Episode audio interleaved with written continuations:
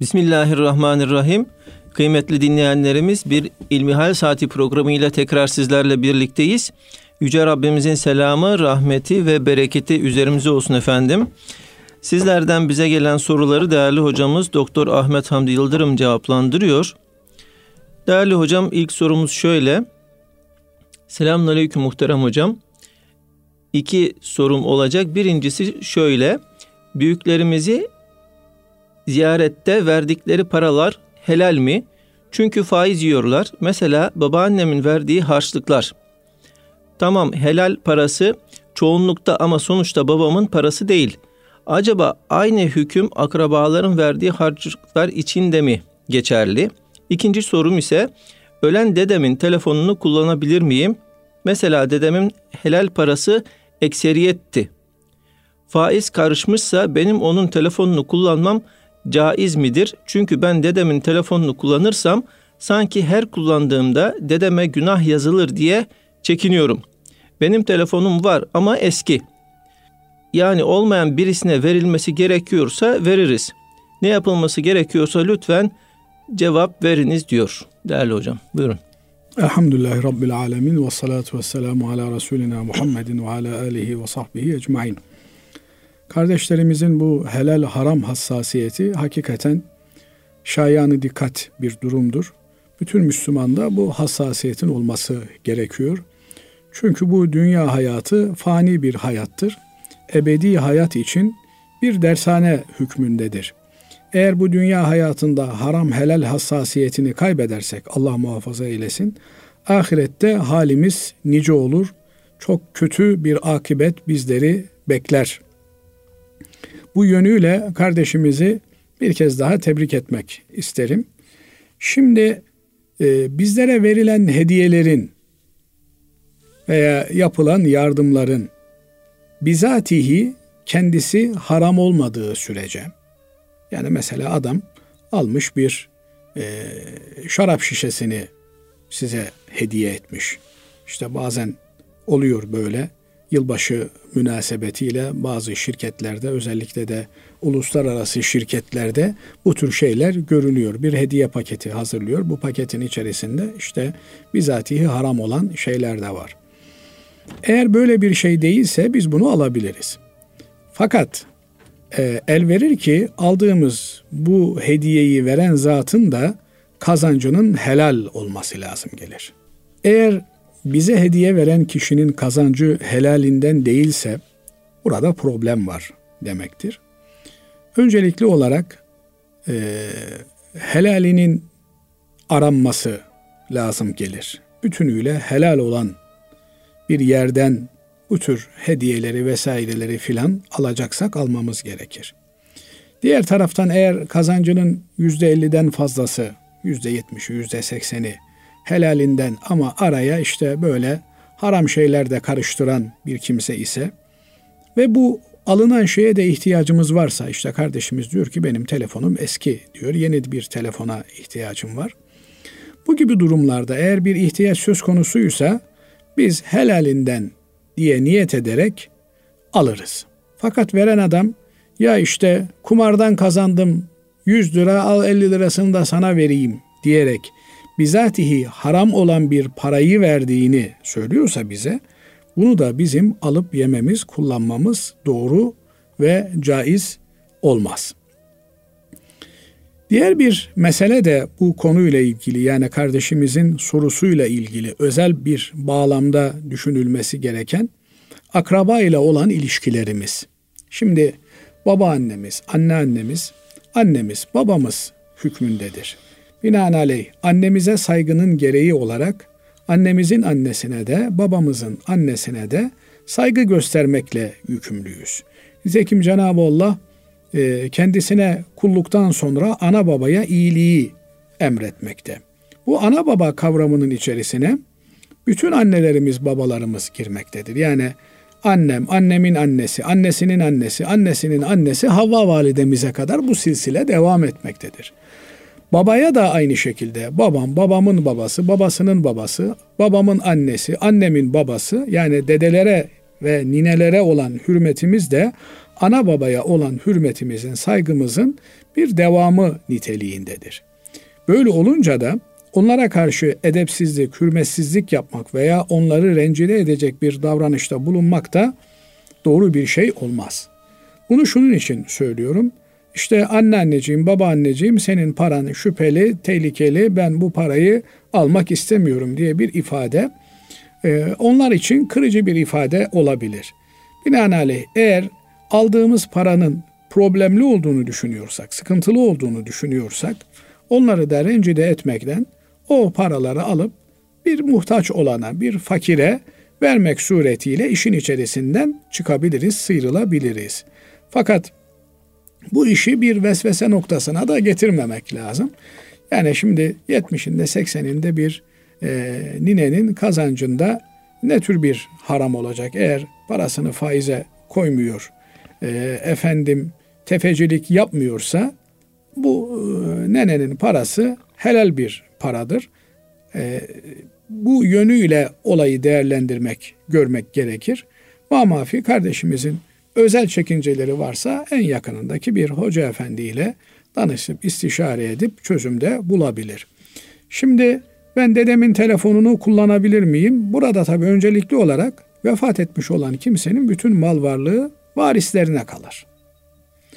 E, dedem bizim yanımızda öldü. Ben onun eşyalarını alayım, kullanayım diye bir ifade doğru bir ifade değildir. Bütün mal varlığı, kullandığı şahsi eşyaları, elbiseleri vesaireleri tereke olarak değerlendirilir. Yani vefat eden kişiden geriye kalan mal varlığı olarak değerlendirilir.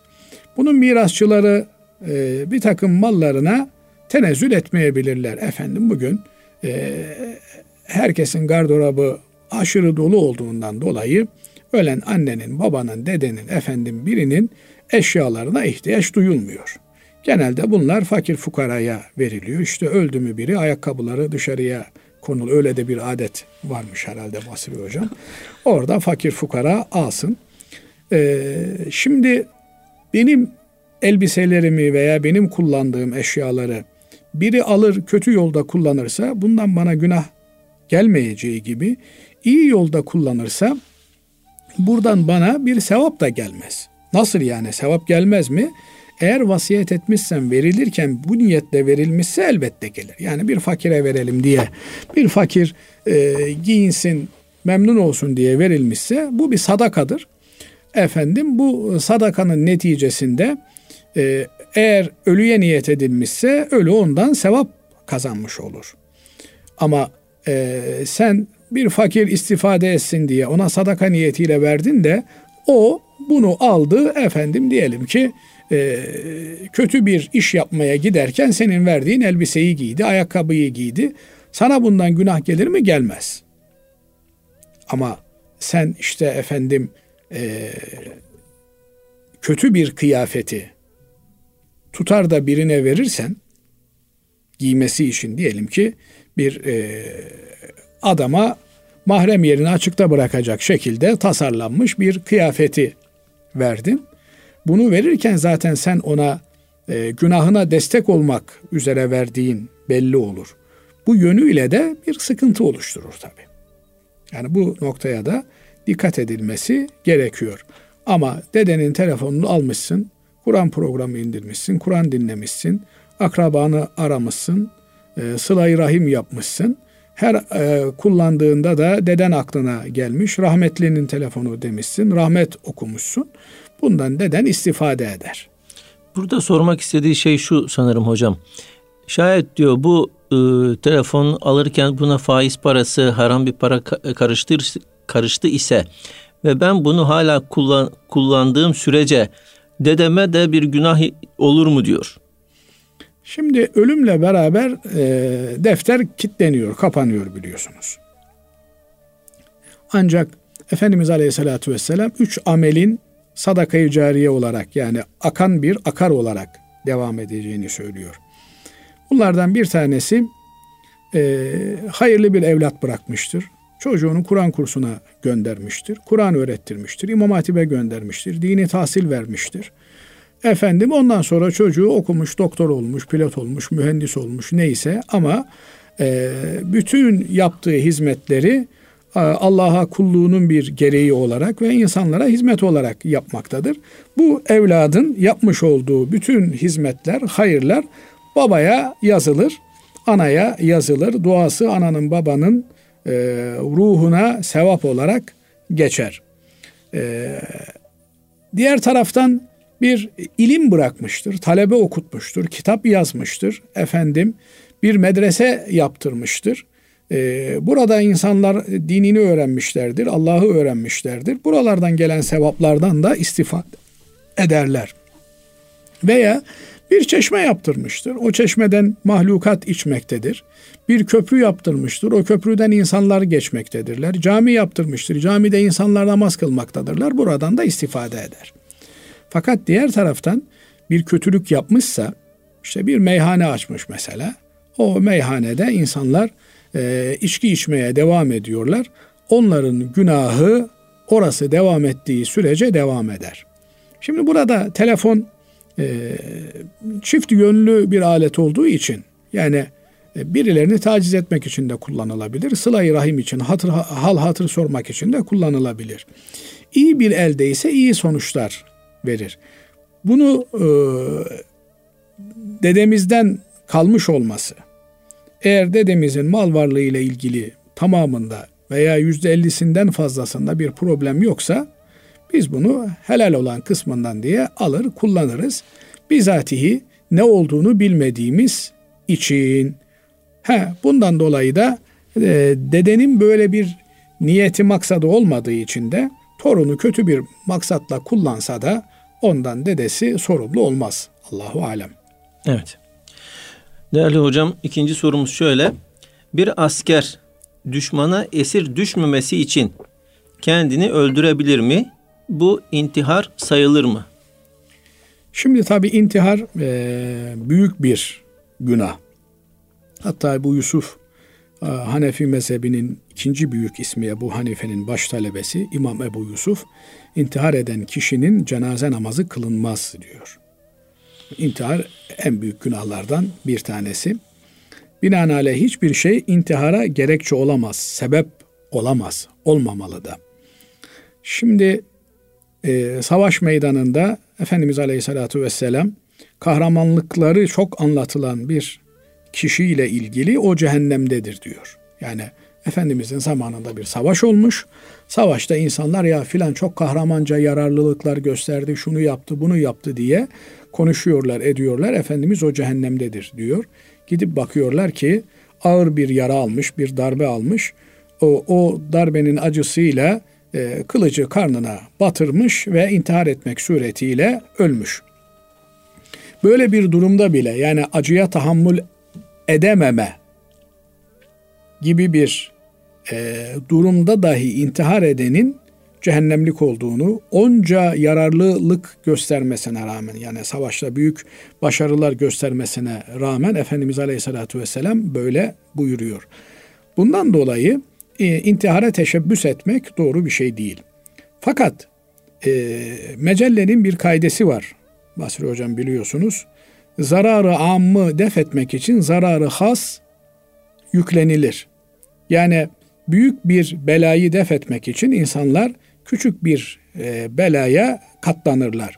Şimdi eğer bu kardeşimiz beni esir alırlarsa bana işkence yaparlar ve beni konuştururlar ve ordunun sırlarını benden alırlar. Binaenaleyh e, benim yüzümden Müslümanlar zarar görür. Ben işte o işkenceye tahammül edemem diye düşünürse böyle bir teşebbüste bulunabilir. Ancak e, bunu yaparken de ben intihar ediyorum diye düşünmesi doğru değil. Onun yerine efendim eline e, el bombasının pimini e, alır. E, düşman yanına yaklaştığında onları e, imha etmek için pimi çeker. Bu arada kendi de e, ölürse ölür.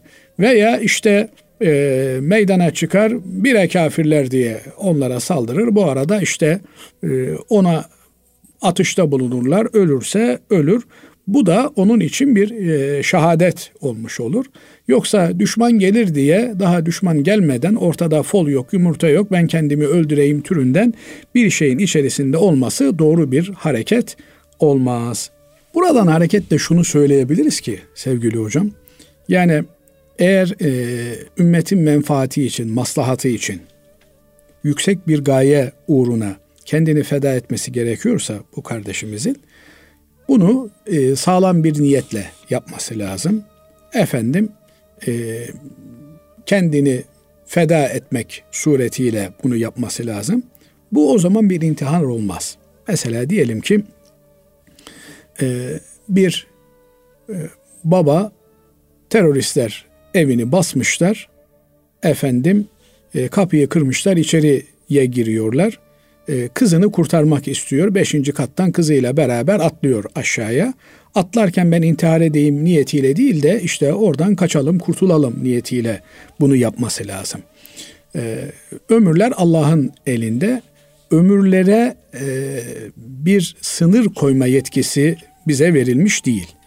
Eğer çok böyle çözümsüz bir noktaya gelmiş olursak burada niyetimizi İbrahim Aleyhisselam'ın niyeti gibi Rabbim beni işte ateşe atılıyor İbrahim Aleyhisselam mancınıkla.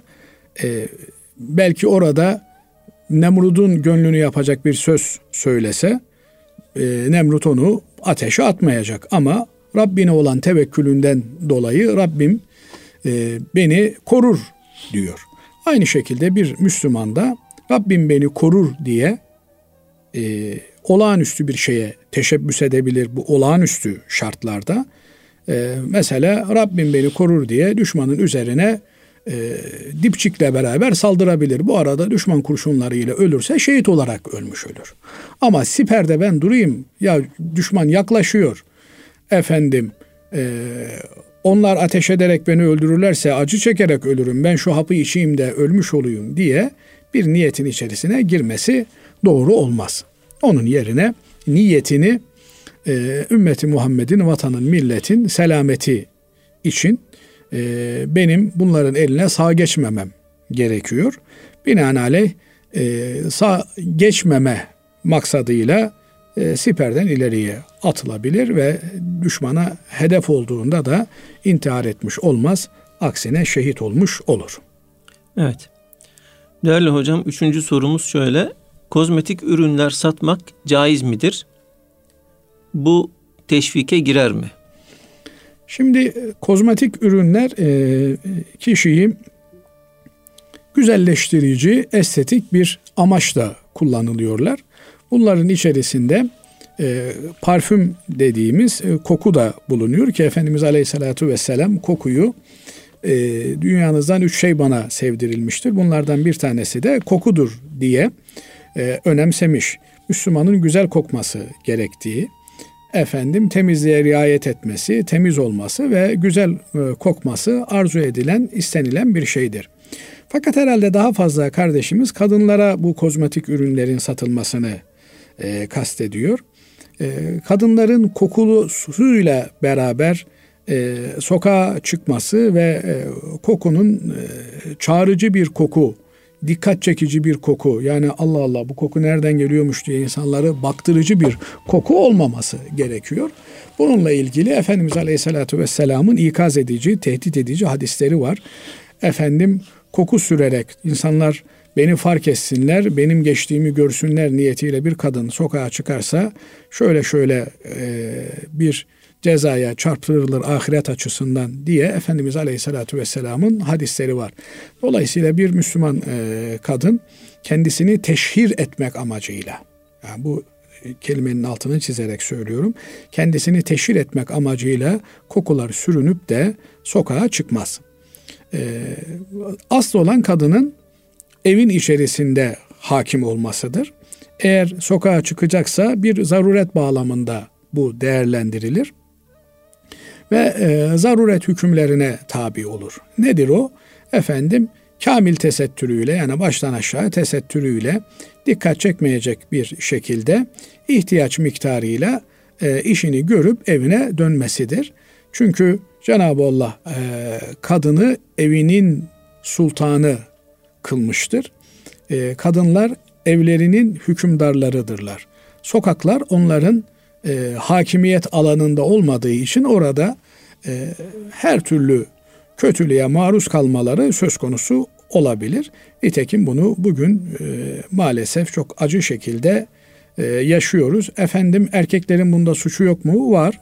E, erkeklerin suçu var diye e, kadınlar dikkat etmesinler mi? Tedbirlerini almasınlar mı? Efendim ormana giriyorsun. Ormanda iti var, kopuğu var, çakalı var. Efendim e, çakalın hiç mi kabahati yok e, diye ormana eğer tedbirsiz girersen ormanda başına gelecekler e, pek de öyle arzulanan şeyler olmaz Allah muhafaza eylesin. Binaenaleyh e, burada e, yine baştaki suale dönecek ve oradan istifade edecek olursak helal kozmetik ürünü satan kimseler e, kadınların veya erkeklerin e, şahsi kullanımları, kişisel kullanımları için bunları e, sattıklarını düşünerek satarlar. Kocaları için, eşleri için, hanımları için kullanacaklarını düşünerek satarlar. Ama e, biri bunu suistimal ettiyse onun vebali de satana değil onu kullanana olmuş olur. Ama eğer sattıkları ürün efendim haram alanda sadece kullanılabilen bir ürünse bu durumda da dikkat edilmesi gerekiyor. Çünkü temel ilkemiz Allah'a isyan ve günah olan bir noktada e, işbirliğinin yapılmaması, yardımcı ve e, yatakçılık yapılmaması noktasındadır. Böyle o, olunca da bu hususa dikkat etmek gerekiyor sevgili hocam. Evet. Hocam teşekkür ederiz. Değerli dinleyenlerimiz, şimdi kısa bir araya gidiyoruz. Aradan sonra kaldığımız yerden devam edeceğiz. Kıymetli dinleyenlerimiz İlmihal Saati programımıza kaldığımız yerden devam ediyoruz. Sizlerden gelen soruları değerli hocamız Doktor Ahmet Hamdi Yıldırım cevaplandırıyor. Muhterem hocam dinleyicimiz şöyle bize yazmış. Cuma hutbesi okunurken geç kalmış birisi Cuma'nın sünnetini kılabilir mi yoksa hutbeyi mi dinlemelidir? Şimdi e, Cuma namazının en temel iki farzı var. iki rekatlık kıldığımız namaz ve dinlediğimiz hutbe. Hutbe namazın e, şartlarını taşır. Binaenaleyh hutbeyi de namaz hassasiyetiyle e, idrak etmek gerekiyor. Efendimiz Aleyhisselatü Vesselam hutbe esnasında konuşulmasını, e, efendim eskiden mescitler çakıl döşeli biliyorsunuz. E, küçük çakıllar var hutbeyi dinlerken onlarla oynayan birinin cuması yoktur buyuruyor. Cuma namazı batıl olmuştur, yok olmuştur buyuruyor. Bugün de maalesef e, çok yoğun bir şekilde bunu görüyoruz. E, insanlarda bağımlılık yapmış artık e, bu e, cep telefonları, sosyal ağlar. E, hutbe başlıyor. O hutbede 3 dakika 5 dakika hatip efendiyi, imam efendiyi dinlemeyi zahit görüyor kardeşlerimiz. Bazı kimseler dinle diyanette pek alakaları olmadığı için hutbeyi dinleme e, lütfunda bulunmuyorlar. Yani, Cuma'ya geldiğime dua edin diyorlar. Bazıları da fazla dindarlıklarından hoca efendiyi beğenmiyorlar, hatip efendiyi beğenmiyorlar. Efendim biz zaten senin söylediklerini biliyoruz modunda böyle mütekebbir bir edayla Allah muhafaza eylesin e, Hatip Efendi'yi dinlemiyorlar. İşte kimileri de zaten ben hocayım ben biliyorum senin anlatacaklarını modunda bulunuyorlar. Bunların hepsi yanlış. Hatip Efendi'yi dinlemek Allah'ı dinlemektir. Çünkü efendim e, hutbeyi dinlemeyi Allah bize emrediyor. Hazreti Peygamber aleyhissalatü vesselam Efendimiz hutbenin dinlenmesini emrediyor. Hatip Efendi'nin söylediği her şeyi kabullenmek durumunda değiliz ama dinlemek durumundayız. Sonuna kadar kulak kesilerek dinlemek durumundayız. Ha efendim aşırı yorgundur bir insan. Uyuya kalmış. Dinleyememiş. Namazda da uyuya kalsan namazın bozulmaz. Hem diyelim ki e, teravih namazı kılıyorsun. Hoca efendi hatimle namazı kıldırıyor e, sen ayakta kendinden geçtin ama ayaktasın veya rükuda veya secdede veya otururken kendinden geçtin bir iki dakika e, sonra e, kendine geldin namazın bozulur mu bozulmaz. Hutbede de böyle yani e, aşırı yorgunluktan dolayı adam içi geçmiş bir iki dakika uyumuş onda bir problem yok. Ama e, elinde cep telefonu, cep telefonuyla meşgul beyefendi. Bu ne namaz olmuş ne de hutbe olmuş demektir. Binaenaleyh kesinlikle zuhru ahir namazını kılması gerekir. Yani zuhru ahir ne demek? Son öğle namazı demek. Bunun da e, yeri gelmişken üzerinde durmak isterim. Buradan şunu anlıyoruz ki bu söylediklerimizden. Demek ki hatip hutbeye çıktığı zaman yapılacak tek şey var hatibi dinlemek. Efendim ben öğlenin sünnetini kılmadım, cumanın sünnetini kılmadım. Efendim sabahın farzını kaza etmem gerekiyor. Hepsi artık orada sonraya kalır. Yapılması gereken oturup hatip efendiyi dinlemektir. Belki e, işte Mekke'de kılıyorsunuz, Medine'de namazı kılıyorsunuz. Hutbe Arapça okunuyor ve siz Arapça bilmiyorsunuz. Biliyormuş gibi dinlemeye devam edeceksiniz. Ben hocanın dediklerini anlamıyorum. Dolayısıyla dinlememe gerek yok. Olmaz. Nasıl namazda efendim hoca efendi bir sure okuduğunda surenin manasını bilmesek de dinliyoruz. Hutbede de dinlemek mecburiyetindeyiz. Dinlemenin dışında herhangi bir şeyle meşgul olursak. Hatta yanımızda biri cep telefonuyla oynuyor. Evladım oynama desek bizim de cumamız gider.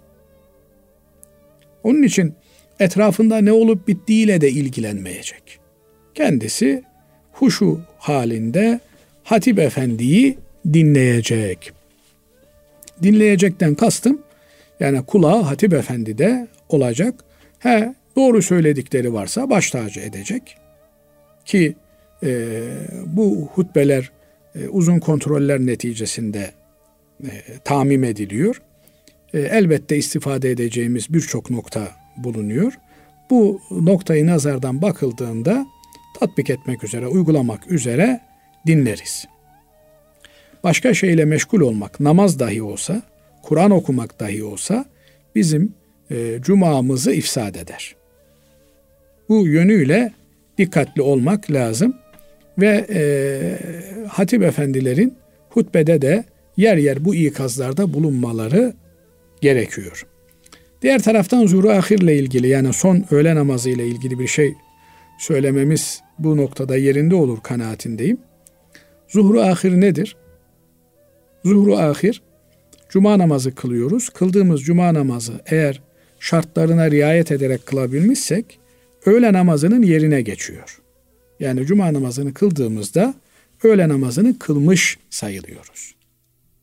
Ama eğer öğle namazının şartlarında bir problem varsa, şart ne demek?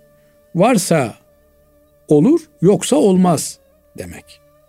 Yani namazın şartlarından bir tanesi abdestli olmak. Namazı kıldınız, baktınız ki aa eliniz kanamış. Elinizin kanamış olmasının anlamı ne? Abdestiniz bozuldu. Dolayısıyla şart olmadığı için yani abdestli olmanız gerekiyordu. Abdestsiz çıktınız. Namazınız oldu mu? Olmadı. Bir daha kılmanız lazım. Cuma da böyledir. Eğer şartları oluşmamış olursa o cuma namazı öğle namazının yerine geçmez. Böyle olunca sizin öğle namazını tekrar kılmanız lazım. Peki e, burada şartları ile ilgili alimlerimizin ihtilafları var. Mesela en temel şartlarından bir tanesi bir bölgede bir yerde cuma kılınması lazım. Hadi diyelim ki artık eskisi gibi değil nüfus kalabalıklaştı. E en azından bir mahallede bir yerde kılınması lazım. Ama elhamdülillah bizim Türkiye'miz gibi memleketlerde bakıyoruz ki bir mahallede 10-15 tane cami var. O hem güzel hem de sıkıntılı. Eskiden Osmanlı'da cuma camileri ayrı olurdu. Diğerleri mescit diye geçerdi. Şimdi her mescitte hatta e, apartman mescitlerinde bile cuma kılındığını görüyoruz. Bu temel şartlarından bir tanesinin eksik olduğunu gösteriyor. Bu ve buna benzer bir takım şartlar. Ve bu durumda peki cumayı kılmayalım mı? Olmaz. Cuma Müslümanın haftalık namazıdır. Ne olursa olsun her şartta kılınması lazım gelir. Sadece vatan memleket düşman istilasına girerse e, yapılması gereken bu istilaya mukavemet etmektir, cihattır. Bu gibi durumlarda e, cuma namazı değil cihat farzı öne çıkar. Fakat işte bir takım şartları yerine gelmiyor diye cumayı bırakmak olur mu? Olmaz. Ama şart olmadığı zaman cuma tehlikeye girmiş olur. Bununla ilgili de eskiden beri yani bu yeni bir olay da değildir. Yani mezhep imamlarından beri zuhru ahir denilen e, ihtiyatan öğle namazı kılınmaktadır. E, peki ibadetler tereddüt, şüphe kabul eder mi? Etmez. Yani ibadetin kesin bir niyetle olması lazım. Efendim e, öğleye ise öğleye, değilse ikindiye ben bu namazı kıldım olmaz. Öğleyi mi kıldın, ikindiyi mi kıldın belli olması lazım. Bu zuhru ahirde nasıl yapacağız? Onun için zuhru ahirin niyeti yani cuma namazından sonra kıldığımız son öğle namazının niyeti önemlidir. Niyeti şöyle yapmamız lazım. Vaktine kavuştuğum halde üzerimden sakıt olmamış, düşmemiş olan en sonki öğle namazını kılmaya niyet ettim. Bunun anlamı ne?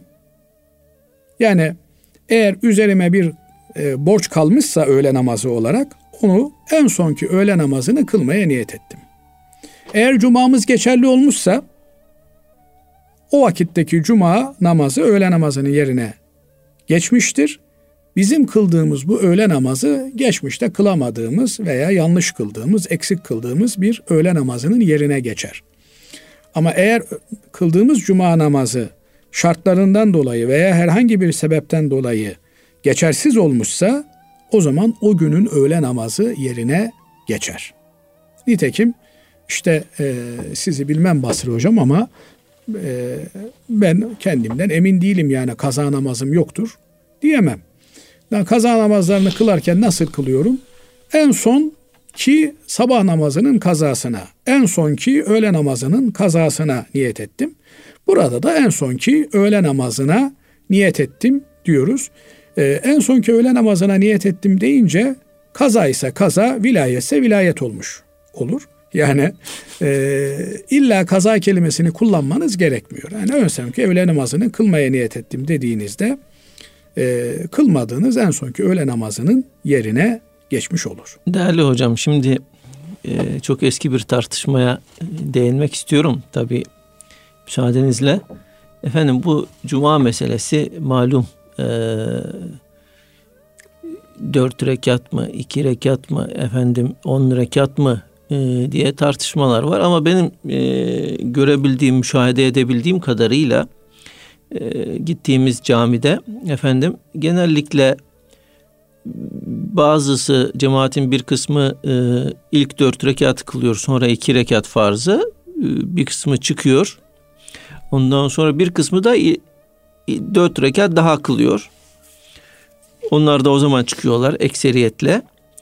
Şimdi bu yani bu en son kıldığımız yani farzdan sonra kıldığımız dört rekat sünnet diye kılıyoruz efendim.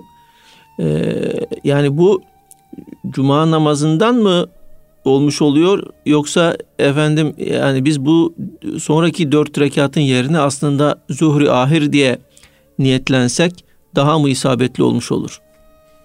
Şimdi e, zaman içerisinde oluşmuş olan e, dini örflerimiz var. Yani Hanefi muhitinde yaşıyorsanız Hanefi mezhebinin e, iştihatlarına göre şekillenen bir dini anlayış söz konusu. Maliki mezhebinin hakim olduğu bir alanda Afrika'da yaşıyorsanız orada da ha, e, Maliki iştihatlarını görüyorsunuz. Binaenaleyh memleketimizde eskiden beri cuma namazı e, cuma farzından önce dört rekat sünnet, farzı iki rekat, farzından sonra da dört rekat sünnet olarak cuma namazı kılınır. Cuma namazı kısmı Dördü ilk, dördü son, ikisi farz olmak üzere on rekattan ibarettir. Bundan sonra efendim kıldığımız e, dört rekat zuhru ahir namazı var. Yani son öğle namazı diyelim. Vaktine kavuştuğum halde üzerimden düşmemiş olan en sonki öğle namazını kılıyorum diye dört rekatlık bir namaz kılıyoruz. Son iki rekatı da yani eğer bu öğle namazıysa öğle namazından sonra da iki rekat sünnet var ya onun niyetine kılınıyor. Vaktin sünneti diye kılınıyor. Şimdi e, Cuma'nın öncesinde ve sonrasındaki sünnetler Cuma'nın sünnetleri. E, diyorsunuz ki bazıları farzından önce dört rekat kılıyor, farzı kılıyor, farzdan sonra camiden ayrılıyor. Tabi sünnet namazların asıl yeri e, camiler değildir. Camiler farz namazlar içindir. Sünnet namazı efendim kişi e, iş yerinde kılar, evinde kılar, yaşadığı alanda, bölgede kılar. Fakat tabi şehir hayatı bunları pek mümkün kılmıyor. Dolayısıyla camiye erken gelip sureti ilk sünnetinin eğer e, iş yerinde e, kılma imkanı yoksa camide yine e, dağınık vaziyette e, son sünnetini ve diğer e, ibadetleri yapmak uygun düşüyor. Ancak e, biz hüsnü zan ile memur olduğumuz için yani efendim bu camiden farzı kılıp ayrılıyor, sünnetini kılmıyor diye düşünmemiz doğru olmaz. Evinde kılıyordur, evine gidiyordur veya iş yerinde secdadesini seriyor, kılıyordur diye düşünmemiz lazım. Özellikle de bu salgın sürecinde kapalı alanlarda fazla durmamayı da tercih edebiliyor insanlarımız. Ee, şu kadarını yani illa bir tercih yapması gerekiyorsa sorunuzdaki şekliyle yani Cuma'nın son sünnetini mi kılayım yoksa zuhru ahir mi kılayım? Zuhru ahir kılmasını tavsiye ederiz. Niye? Eğer cuma sahih olmuşsa o kılmış olduğu e, zuhru ahir niyetine kıldığı e, namaz başkaca bir kaza namazı da yoksa nafile yerine geçer. Ondan dolayı da zaten biz normalde kaza namazlarının dört rekatlı kaza namazıysa üçüncü ve dördüncü rekatında zamm-ı sure okumuyoruz. Aynen farzı nasıl kılıyorsak öyle kılıyoruz. Fakat okursak bir zararı olur mu? Olmaz. Bundan dolayı zuhru ahirde yani son öğle namazı meselesinde üçüncü, dördüncü rekatta zamm-ı sure de okuyoruz. Niye? E çünkü yani aklı başında bir Müslümanın, herkes benim gibi gafil olacak demek değil. Aklı başında bir Müslümanın kaza namazı olmaz. Böyle olunca da e, bu kıldığı namaz nafile olacaktır. Nafilenin de üçüncü, dördüncü rekatında zamm-ı sure okunur. Evet. Binaenaleyh e, dört rekatta da hem Fatiha hem zamm-ı sure okuyoruz. Evet. Evet. Değerli hocam e, bu sorumuz biraz fıkıh dışında ancak e, bize geldiği için tabi dinleyicimizin de e, sorusunu sormak istiyorum. Selamun Aleyküm. Nefsin terbiyesi için mürşit şart deniliyor. Peki ilk tasavvuf büyükleri mürşitsiz nasıl evliyalığa, arifliğe ulaştılar? Mesela İbrahim bin Ethem veyahut Bişri Hafi veya Fudal bin İyas. Mürşit bu yolun olmazsa olmazı mı yoksa olmazsa zor ve tehlikeli mi olur diye soruyor. Evet e, bu fıkhın batıni kısmıyla ilgili. Çünkü fıkıh Ebu Hanife Hazretlerinin e, deyimiyle e, nefsin lehinde ve aleyhinde olan şeyleri bilmesidir. Binaenaleyh e, kişinin yararına olan şeyi bilmesi fıkıh olarak değerlendirilmiş. Zararına olan şeyleri bilip onlardan kaçınması da fıkıh olarak değerlendirilmiş.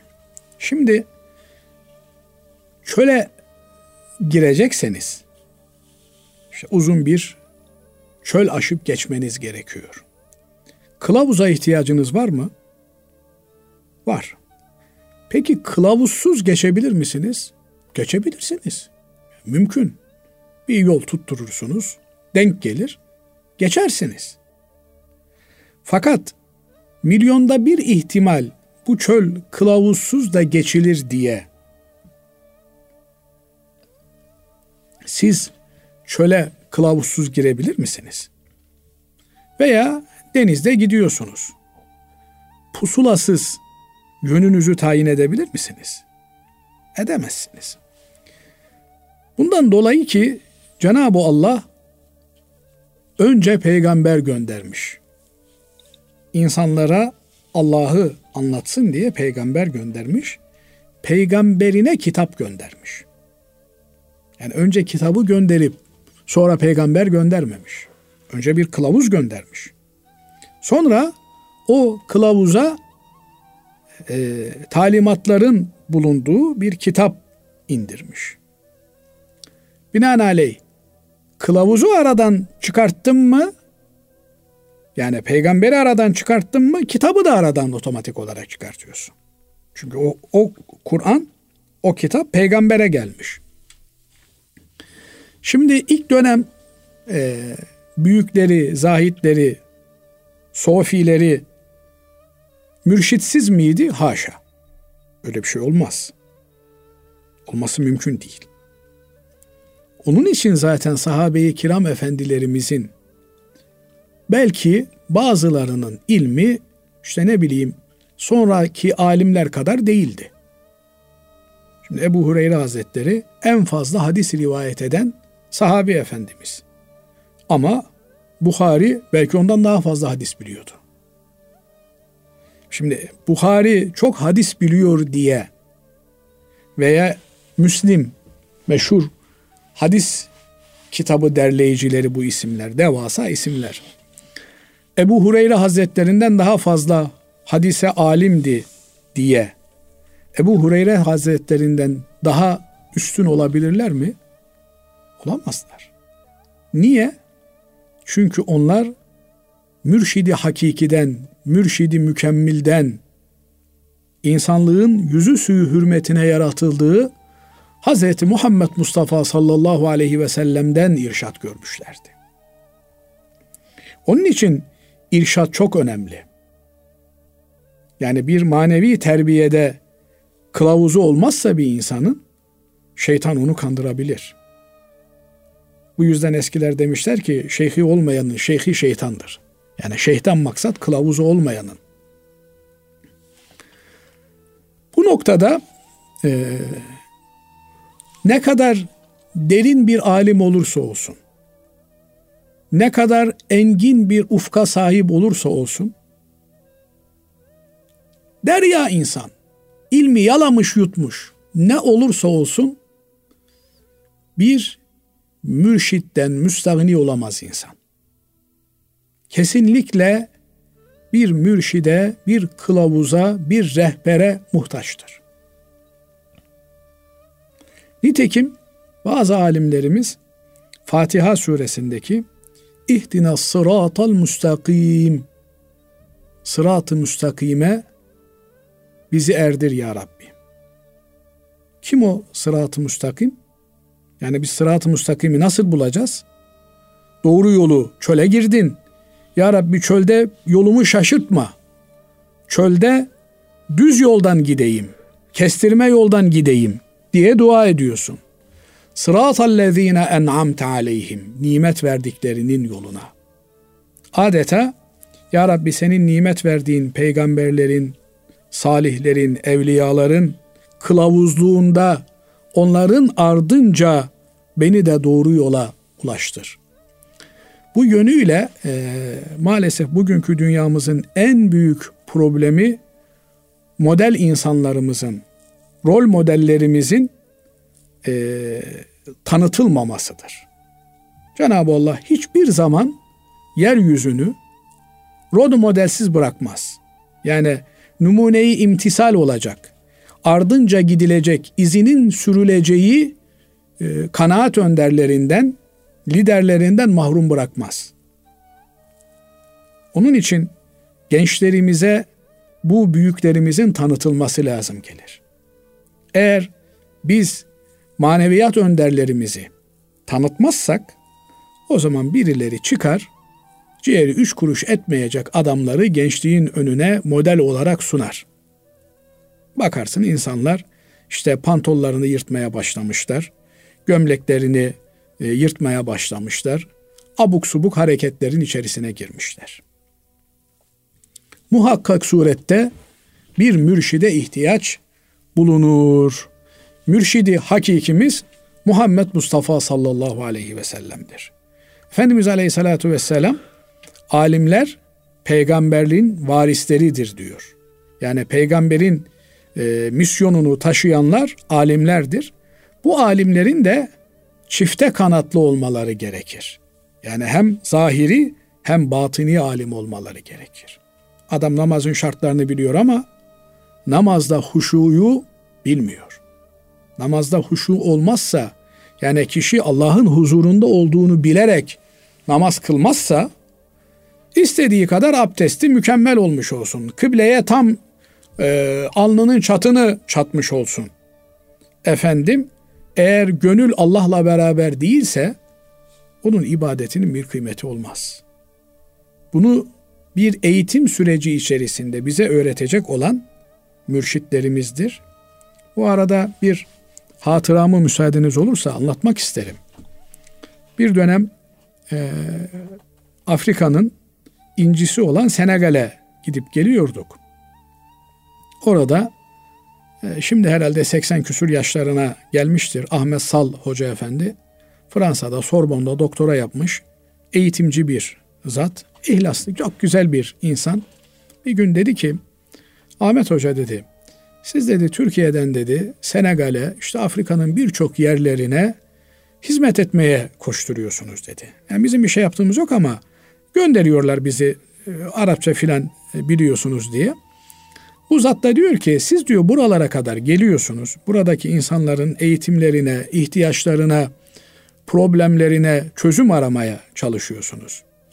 Sizinle bizim aramızdaki farkın ne olduğunu ben düşündüm ve buldum diyor. Nedir dedim Ahmet hocam. Dedi ki sizinle bizim aramızdaki fark dedi.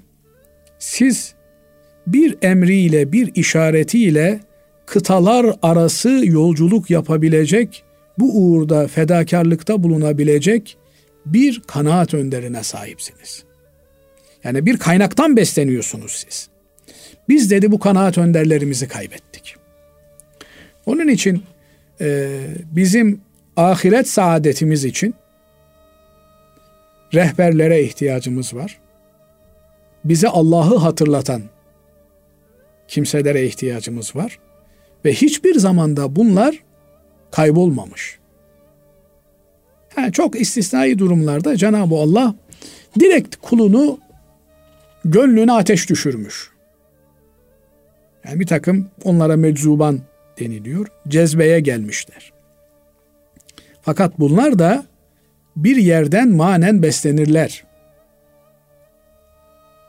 Yani bazı kimseler e, bu meczuban grubundan direkt Hazreti Peygamber aleyhissalatü vesselam Efendimiz'den beslenebilirler. Fakat bunlar kılavuzluk yapamazlar. Kendileri müstakim insanlardır. Elleri öpülesi insanlardır.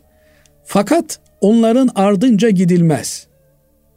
Ardına düşülüp yol kat edilebilecek olan kılavuzlar bir e, silsile muvacehesinde bu eğitimi nesilden nesile alıp götürenlerdir. Cenab-ı Allah e, bu büyüklerin yolundan bizi mahrum etmesin. Amin. Allah razı olsun. Efendim e, bir sonraki sorumuz da şöyle. Dinleyicimiz bize şöyle yazmış. Çocuğuma dünya klasikleri kitaplarından okutmamda bir sakınca var mıdır? Şimdi dünya klasikleri kitaplarını okutabilir. Kime okutabilir? Muhakeme kabiliyeti olan kimseye okutabilir. Ama e, ilk defa bir şeyi dinlerse bir insan, ilk dinlediğinin etkisinde kalır.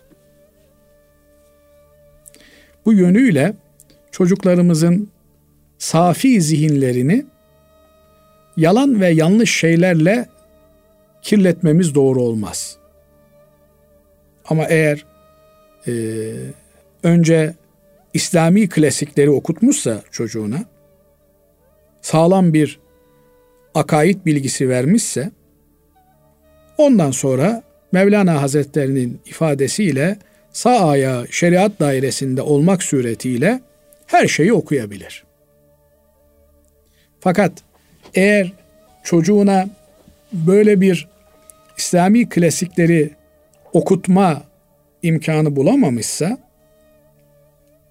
dünya klasikleri içerisinde bir takım zehirleri çocuğunun zihnine kendi isteği ve kendi iradesiyle kendi zerk etmiş olur. Bu nokta çok önemli bir noktadır. Hazreti Ömer Efendimiz hatırlayabildiğim kadarıyla e, Tevrat'tan veya İncil'den bir parça okur. Hazreti Peygamber aleyhissalatü vesselam Efendimizin yüzünün rengi değişir. Peşinden ayetler gelir. Elem ye'ni lillezine amenu en tahşa'a kulubuhum li zikrillah. İman edenlerin kalplerinin Allah'ın zikriyle tatmin olacakları vakit gelmedi mi? Yani Allah'ın kitabı size yetmedi mi de siz e, ehli kitabın kitaplarına, İncil'e, Tevrat'a bakıyorsunuz. E bir Müslüman İncil'i, Tevrat'ı okuyamaz mı?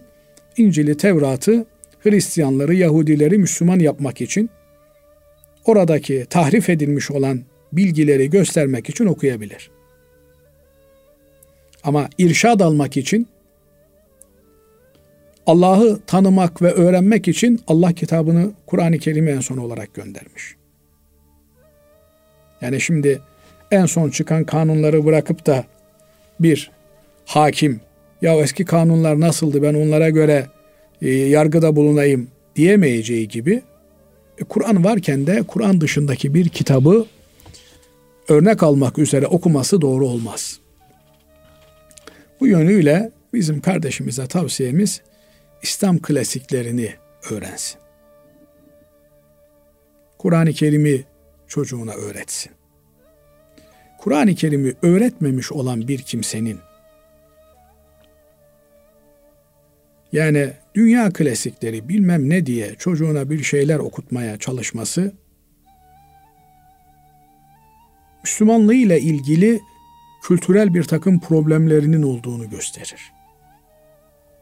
Biz bu dünyaya ahireti kazanmak için gelmiş isek ahiret yatırımı yapmamız lazım. Yine müsaadeniz olursa hatırladıkça duygusala bağlıyorum ama inşallah e, rahatça ifade edebilirim. İlkokulu bitirmek üzereyken bizim zamanımızda parasız yatılı kolejler vardı.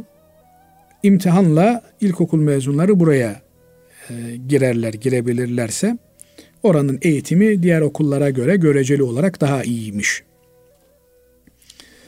Mezun olmak üzereyken ilkokuldan öğretmenlerimin ısrarı e, kolej imtihanlarına beni sokmak istiyorlar.